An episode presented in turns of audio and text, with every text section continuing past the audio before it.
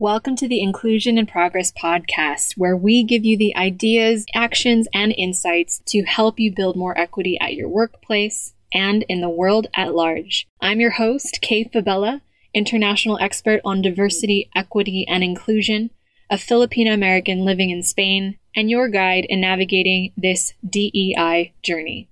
Having worked with teams at companies such as Philips, the IMF, Red Hat, PepsiCo, and more, I know firsthand that the work of inclusion only works when everyone has a seat at the table.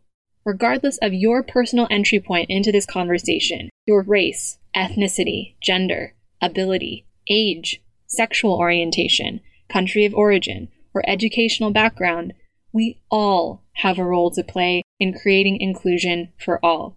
And it starts with us having conversations we need to create the change we wish to see. So let's dive into today's episode.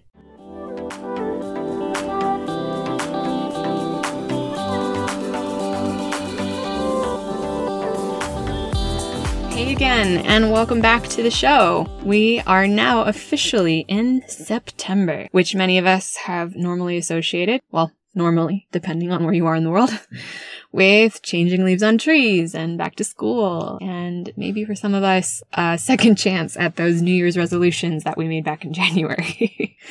but if I'm being honest, from where I sit right now as I'm recording this episode for you, it's been heavy. and everywhere you look, it feels like the world is anything but normal. Between extreme weather events across the globe, the will they, won't they, of whether or not schools will stay open through the year, the heartbreaking news out of Afghanistan for both Afghan nationals and members of the armed forces from all over the world who gave their lives there, the seemingly endless rollback on women's rights in places like South Africa, in Poland, in Ecuador, even in my birth country of the US. When people are losing their homes to flooding, to fires, to evictions, and so much more, on top of COVID, it's a lot, to say the least. An honest question here what do you hold on to when nothing feels rooted? What do you ground yourself in when everything feels like it's up in the air? What do you cling to when your identity, what you thought you knew and believed about yourself and the world, is shaken to its core, possibly forever? These are the questions that are currently in the back of my mind and constantly in our work at Inclusion in Progress, as well as in my own life. And the emotions that come up with those questions that bubble up at these unexpected moments throughout the day that oof, sometimes if I'm being honest, I don't know if the emotional wave I'm feeling is grief from today or from three months ago and my body's playing catch up from my own ups and downs outside of our work or from the collective ups and downs of our world that just feels turned on its head. So I'm also thinking about this from this place of what do I do? And hopefully this is helpful for you if you're listening and feeling some level of this as well. When life gets overwhelming, I reach for the toolkit, the toolkit that I started building over a decade ago when I emerged from burnout and clinical depression for the first time. The same toolkit that routinely gets me through heartbreak and loss and grief and sadness and bouts of anxiety, sometimes in that order. and it goes something like this Find your pause button. Tune out the noise. Step away from the screen Breathe in, breathe out. Repeat as often as necessary until you recenter, even if it's just for a brief window of time and space. I've learned that you're almost always three or four deep breaths away from a different perspective of the problem in front of you. And if you happen to be in a place of relative hope or strength at this moment in time, be the person that offers that pause button to someone else especially if you're in a position of influence or leadership. Because behind our cobbled attempts at business as usual is someone, maybe many someones, on your team who might barely be holding on right now.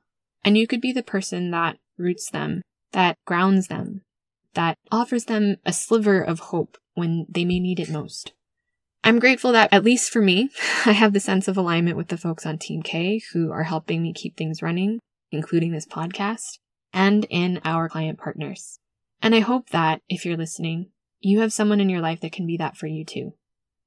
Because goodness knows we need each other more than ever in our homes, in our schools, and especially in our workplaces that have taken on this strange hybrid role of gathering place and community when all of us have been working remotely for as long as we have.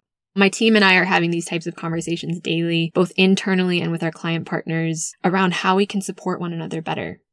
And while we can't solve all of the problems outside of our workplaces, all of the things that are happening in the world, we can be intentional in how we're supporting one another on our teams, especially when those problems outside of work affect our safety, our sense of well-being, and our ability to engage with our day-to-day tasks. So if you're looking for guidance on how to create psychological safety for your distributed teams who are going through some different stage of burnout or emotional waves in different parts of the world, working for companies across the globe, head to the link in the show notes and book a call with us or just drop us a line to say hello. Sometimes it's just nice to know that there's someone on the other end that is thinking the same way that you are that can help you contextualize what's happening and support you in navigating the challenges of your workplace together. So, as you know, if you've been following along, Inclusion in Progress is now not just a podcast. It is also the name of our company. And we are slowly, inch by inch, finalizing our rebrand and can't wait to share it with you later this year. It also means that the team has grown in size. We've actually doubled, which is very exciting. And across the team, we now span APAC, EMEA, and the Americas. We have a host of languages and ethnicities and religions amongst us. And interestingly, all of us are descendants of cultures where colonialism and imperialism has played a role, which makes for very interesting conversations. We're leveraging all of our different cultural paradigms, all of our so-called differences to reach this idea or strive for collaboration to continue to serve our client partners and move with our mission of creating inclusion for all. Despite on paper looking like we're completely different in generations, worldviews, backgrounds, etc. And it's great because now we also see the world globally. I think even more so than we did when we started. But that also means, of course, there's going to be collision. There's going to be misunderstandings. We're only human after all. And some of the barriers that we routinely face are things like, I don't know, time zones. Continues to be a struggle trying to do math everywhere. Honestly, if somebody could please just get the daylight savings time calendar on the same day, it would just make my life loads better. Thank you, please. There's also the language barrier. I am one of two people that speaks English and Spanish, but we have other people who English is their third, potentially fourth language, which is really impressive. We have different cultural understandings of how we approach conversation, how we approach conflict, how we like to share what's happening in our personal life or discuss things personally and professionally with varying levels of radical candor. We have, of course, virtual communication challenges. oh, we've been trying to get technology to work in some places and it's not always our friend, but we do what we can.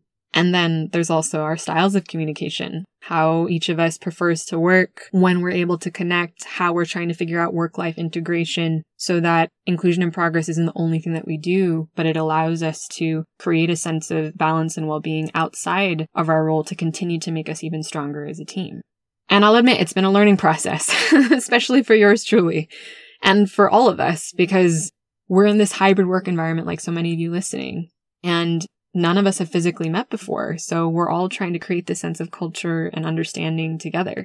But we've learned to lean into and leverage our so-called differences. And we now pull from that collective experience to strengthen how we deliver for clients as well. But on top of that, we've noticed that inclusion in progress that depending on where our companies or client partners are, there's different understandings of how to approach the work of bringing teams together and creating a sense of inclusion for all. And that big difference is around cultural paradigms and understandings. Specifically for clients that come to us outside of the North American context, they're looking for support around their cultural paradigm, their teams locally to that culture, that understanding. At most, maybe, say, for example, in the EU, when we worked with teams, just trying to understand the cross cultural differences of different languages and countries and those different paradigms clashing and trying to find a way to work together in collaboration every day. And the clients who come to us from North America obviously have a little bit less of a language barrier, but are also looking for how to dive into cross-cultural communication understanding as they expand their team building and cultural inclusion ideas outside of just one North American paradigm and are looking to be very thoughtful and intentional in how they approach team members from different parts of the world. And the common thread through all of this really is cultural difference, the need for greater training around cultural agility. And what we've realized, especially over the last few months, is the importance of adapting the DEI conversation to embed this cross-cultural lens, this intercultural communications paradigm, or at least a cultural agility lens into this work. Because for us, DEI and intercultural communications or cross-cultural communications are two sides of the same coin. Because the way that we see it, company culture is informed by all of the behaviors and all of the attitudes and all of the shared personality traits and work styles and individual characteristics of everyone who's on your team. It was unthinkable 20 to 30 years ago that we could work alongside people from teams all over the world because there wasn't as much physical movement of people. But if now we're seeing demographic shifts and changes, that means that even within our country's borders, we're seeing more and more cultural complexities and cultural lenses amongst our populations, which are affecting our workplaces. But on top of that, we've proved to our companies and to one another that we can work alongside people from different parts of the world in different time zones with no problems at all, maybe a few. But what's happening in addition to that is this idea of culture, at least of how we've defined it as being associated to one physical place or location or region is also changing. Because if we as Team K are having all of these discussions around global events that are happening in each of our parts of the world, this is happening for everyone everywhere all the time. So our cultural lenses or understandings of the world now are not necessarily shaped by what we see in our immediate communities, but also what's happening everywhere around us. And that's also shaping our interactions with each other, our behaviors, and our norms. Which is another thing that we are becoming even more mindful of when we're advising client partners. How do you handle different discussions? Because some teams may be ready to dive in to things related to global events, and others are still very much of the mindset of, no, I'm here to do a job, and me showing up as my full self to work is actually how I'm showing up right now doing my job. The other thing that I think is really interesting is that sometimes I've noticed when we're having conversations with different client partners in different parts of the world, we're approaching North American entities from the context of DEI. And we're approaching anyone from outside the North American context from this idea of intercultural or cross-cultural communication. And this field of intercultural communication or IC is one that's widely known and used in organizations really with teams mostly outside of North America. It's the foundation for a lot of international business as we know it. But within the DEI conversation, it's almost never acknowledged. Even though intercultural communication, a pivotal part of the reason why it exists as a field, is because it was invented in North America. So today we're actually going to take a look at what intercultural communications is, why we think it's important and why we think really it's the missing ingredient in all the DEI conversations, especially as our ideas of culture and company culture and how our teams look like and interact with one another shift. So the first thing that we want to define very quickly for you is intercultural communications. And I'm going to be using IC moving forward just for simplicity. What is intercultural communications? Now, in the simplest terms, intercultural communication is a field of study around the verbal and nonverbal interaction between people from different cultural backgrounds. Sounds pretty straightforward, right? But the discipline, even though it began between the 1930s and 40s with the likes of anthropologists like Margaret Mead and Ruth Benedict, the term intercultural communication was first used in Edward T. Hall's book, The Silent Language in 1959. Hall was a cross cultural researcher and anthropologist, and is generally acknowledged to be the founder of this field. And he first began developing these theories as part of a program for his students at the Foreign Service Institute in Washington, which was designed to help State Department employees negotiate cultural differences when they were assigned posts overseas. Throughout Hall's career, he introduced concepts such as high context or low context cultures, which we mentioned on episode 69, as well as how different cultures respond to concepts of space and time. He's also credited with creating the iceberg model of culture that many of us use today within organizations. Now, simultaneously, in Japan, there was a parallel development of the study of intercultural communication, which was largely influenced by Hall's work, with a focus on the East West cultural paradigm and how that showed up in particular interactions between people. In Europe, the study of intercultural communication focused much more on the role of language understandably. how many countries in this small span of continental space and how many different ways that things could be translated or turned sideways. It makes sense, right?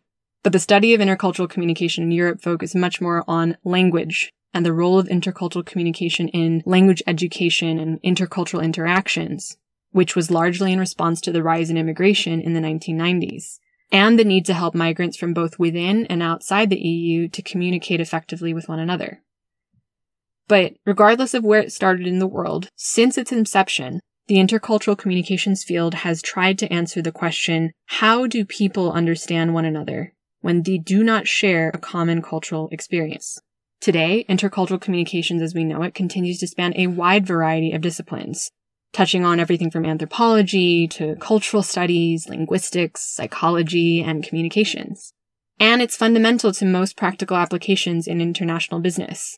But most importantly, those who research cultures and study them closely acknowledge that while intercultural theories are helpful, they must regularly be revisited to reflect the nuances and changes of society and an increasingly globalized world. In summary, the four main elements of intercultural communications are language and culture, how linguistic and cultural differences affect intercultural dynamics, intercultural mediation, which is associated with how people are introduced to different cultures through things like translation or interpretation, channels of communication, which includes verbal and nonverbal forms and in some cases covers things like tone of voice and how you deliver your message. And lastly, subconscious elements of communicative behavior, such as whether or not it's considered rude to smile during interactions or making eye contact during conversations or whether or not it's considered appropriate to make physical contact with a person while you're interacting with them. Culture plays an important role in shaping our styles of communication as well. Generally, as we know, people react to how we speak rather than what we say. The culture in which individuals are socialized influences the way that we communicate. And the way individuals communicate can change the culture too. Now, we could literally spend entire seasons of this podcast covering the many, many strands of intercultural communication, but hopefully this is a very helpful primer to get you started. But what's most important about this particular field and adding it to DEI for us at Team K is this. If our globalized world is less bound by physical location, if our demographics are shifting to reflect more racially and ethnically diverse populations, and as formerly marginalized populations become more proud of their cultural heritages, if even within our own countries we're seeing more movement of people between cities and rural communities, across state borders, or even across territories, such as within the Schengen region here in the EU, and if we're moving more of our different communication styles and cultural paradigms to an online environment, which is in an entirely different channel of communication altogether. All of this has the potential to cause an added layer of anxiety for our teams. Because on top of your day to day tasks, you're not always sure how you're expected to act or interact or behave while working with people from different backgrounds or with different cultural lenses. The anxiety from this lack of clarity may result in some awkward interactions or increased levels of nervousness and maybe a higher chance of making mistakes, which undermines our ability to do our jobs as effectively as we could. And add to all that the anxiety we're facing outside of work in our post-pandemic world, and it makes you wonder, how many more things have the potential to get lost in translation in our workplaces? How will this move from static to fluid definitions of culture change how we work and operate? And what does all this mean for global companies with locations across the world looking to hire and foster the best people on their teams? And what will that look like if we're more actively thinking about these questions and the opportunities that that can create for our teams to connect and grow even better alongside one another? Which brings us to the next section of the podcast today, which is where culture and virtual communication channels are intersecting. All right. I'm going to call out the elephant in the room here. Let's be absolutely blunt. International business is done in English first. All other languages come second. And this is coming from someone who's a native English speaker herself who is fully aware of that privilege. Now, y'all know, or let me some history. So let's dive briefly into why that is. two factors led to the evolution toward how widespread English came to be. First was the printing press in the 16th century, which allowed us to mass produce language for the first time. The spelling of words became standardized by the next century, and words could travel further than ever before.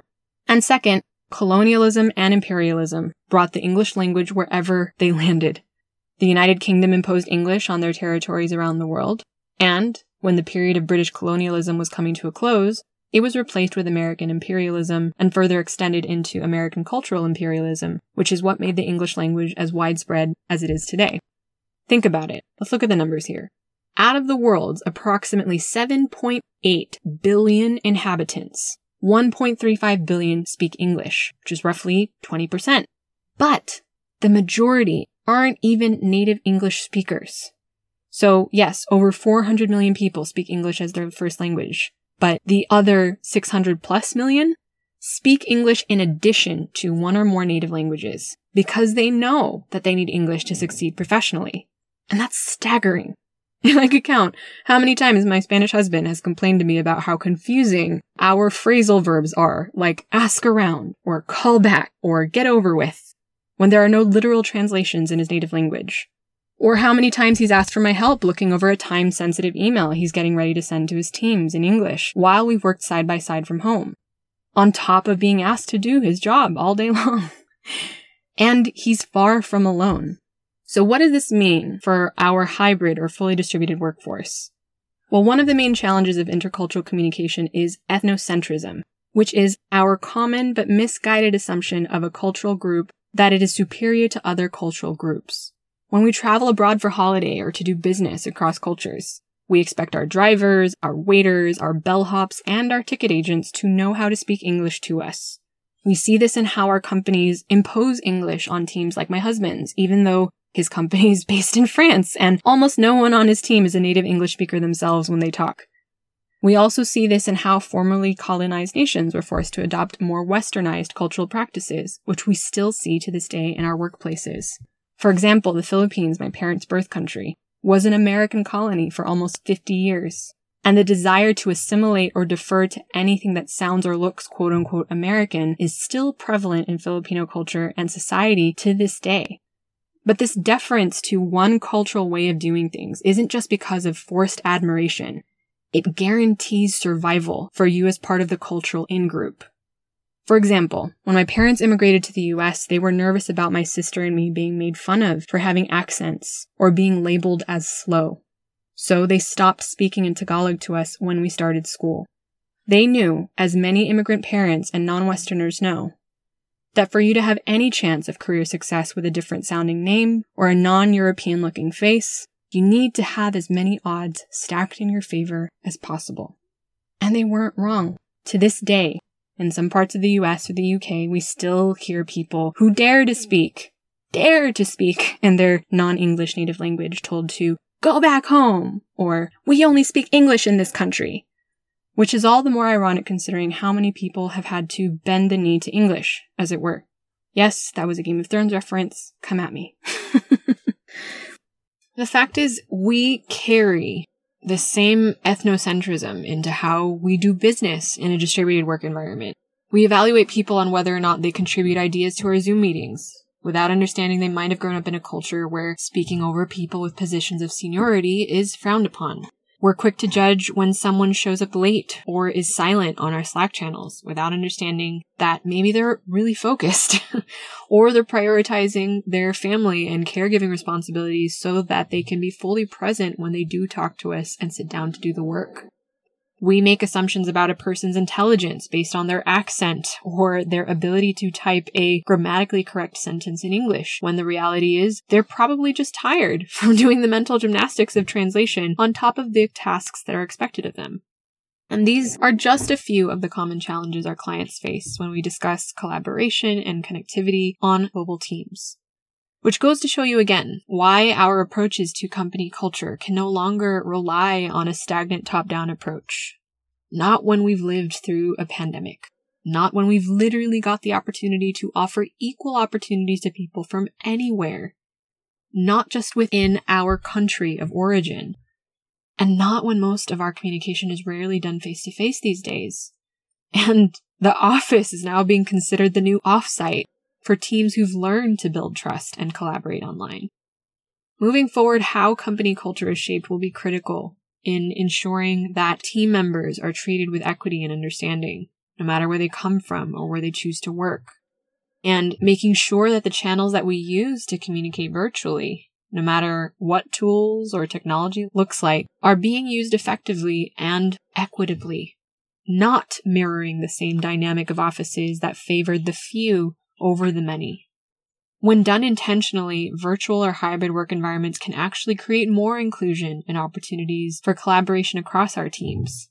We've seen it time and time again with clients, and we've practiced it intentionally on Team K as well. Now, managing and creating inclusive work cultures for distributed teams isn't just something I believe in. I've lived it and breathed it, both as a solopreneur when I first started operating as an independent consultant, running her business as a US citizen abroad for the last seven years, and now as the leader of a fully remote team working with me at Inclusion in Progress LLC.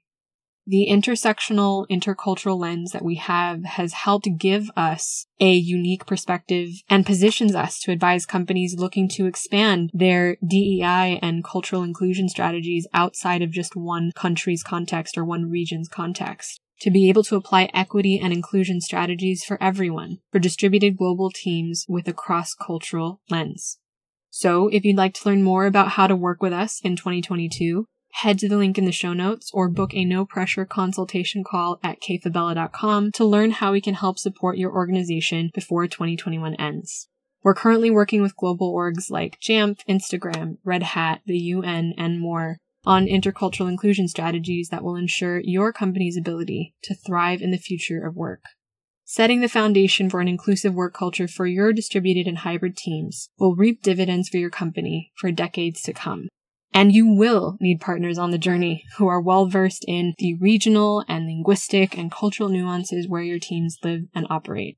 So, if you'd like to learn more about how we can partner with you on DEI for your global workforce, head to the link in the show notes to book a no pressure consultation call. Lastly, why intercultural communications and DEI or diversity, equity, and inclusion are critical to your hybrid workforce. Now that brings me to the final portion of this episode, which is our firm belief that these two fields, which look diametrically opposed, intercultural communications and DEI, are actually not two separate entities. They're two sides of the same coin. And we'll need both as we start to become more intentional about building remote or hybrid workplace cultures that bring out the best in our teams. Those of you who've listened to the first part of this podcast from within North America have probably never heard of intercultural communications before in this much depth. I myself didn't become aware of the field until I experienced intercultural communication on a daily basis as an immigrant living and working abroad outside my home country when I left it 12 years ago. And for those of you who are listening outside of the North American context, you may have felt some resistance to this DEI conversation as it's grown over the past year because it may have felt too US centric to feel applicable to your culture, to your country, or to your particular circumstances.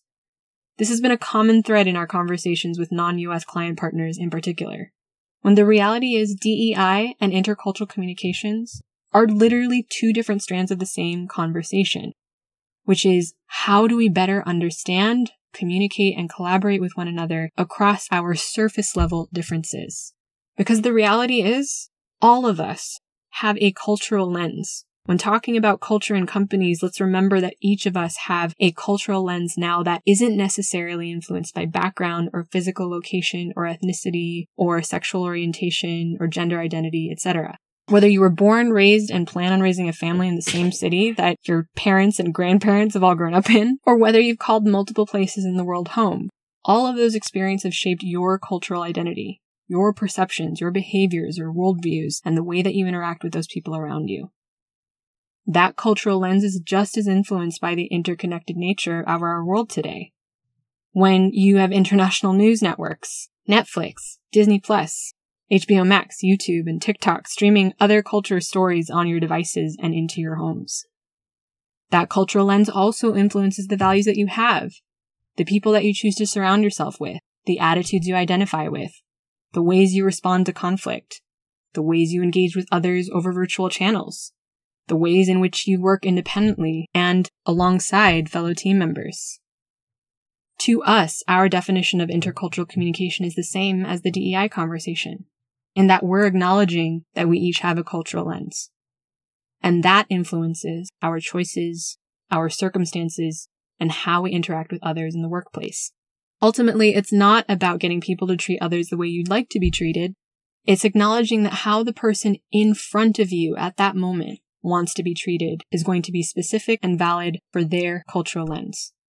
And that requires going from evolving from mere cultural awareness, as in seeing everyone else through our cultural lens and labeling their differences in opposition to quote unquote our way of doing things, to cultural agility, which is seeing each person as an individual with different paradigms and preferences capable of expanding our way, quote unquote, of doing things. And when things don't work out right away, which of course is going to happen when there are different cultural lenses colliding, aiming for compassionate collision instead of jumping to label the interaction or the person or the otherness of that cultural lens as wrong. The ability to not just to be culturally sensitive, but agile across your global teams who are all learning to live and operate in a distributed or hybrid work environment alongside you will set your organization apart in the future workplace. So there you have it. What your hybrid workforce needs to succeed and why intercultural communication needs to be a critical part of that conversation in reimagining your company culture for global teams. If you can't tell by now, my team and I have a personal and professional vested interest in seeing your company create more inclusion at work, whether it's remote or hybrid or whatever your organization is deciding for your future workforce. If you don't have a multicultural workforce already, eventually you will. And the people who are coming in the door will be less inclined to expect a company culture to be imposed on them top down. Newer employees, especially from multicultural and historically marginalized groups, are prouder than ever about the nuances in their experiences and their lived identities. Which means you have two choices. The first, wait for there to be more challenges when cross-cultural collisions arise and react to them. Or two, Leverage this opportunity for you to start thinking critically about your company culture and tap into the full potential of your people to drive your business forward. The only way to set the foundation for inclusion in your company culture, which will sustain your capacity for innovation and your ability to retain today's and tomorrow's top talent, depends on you partnering with the right people. And we're deeply committed to helping you as partners on the ground who live and work in a globally distributed, multicultural context so that we can help your organization center and support your people no matter where they come from. Now, as I said earlier, we're currently working with global organizations like Red Hat, Instagram, Jamf, and more on intercultural, intersectional strategies that will help prepare your company culture for our remote future of work. Setting the foundation for an inclusive work environment today will reap benefits for your company for decades to come. So if you'd like to learn more about how we can partner with you on equity and inclusion in 2022, head to the link in the show notes to book a no pressure consultation call with us. Let's discuss how we can partner with you in the year to come to make sure that you are prioritized in our client calendar. As always, thank you for listening, and we'll see you next time on Inclusion in Progress.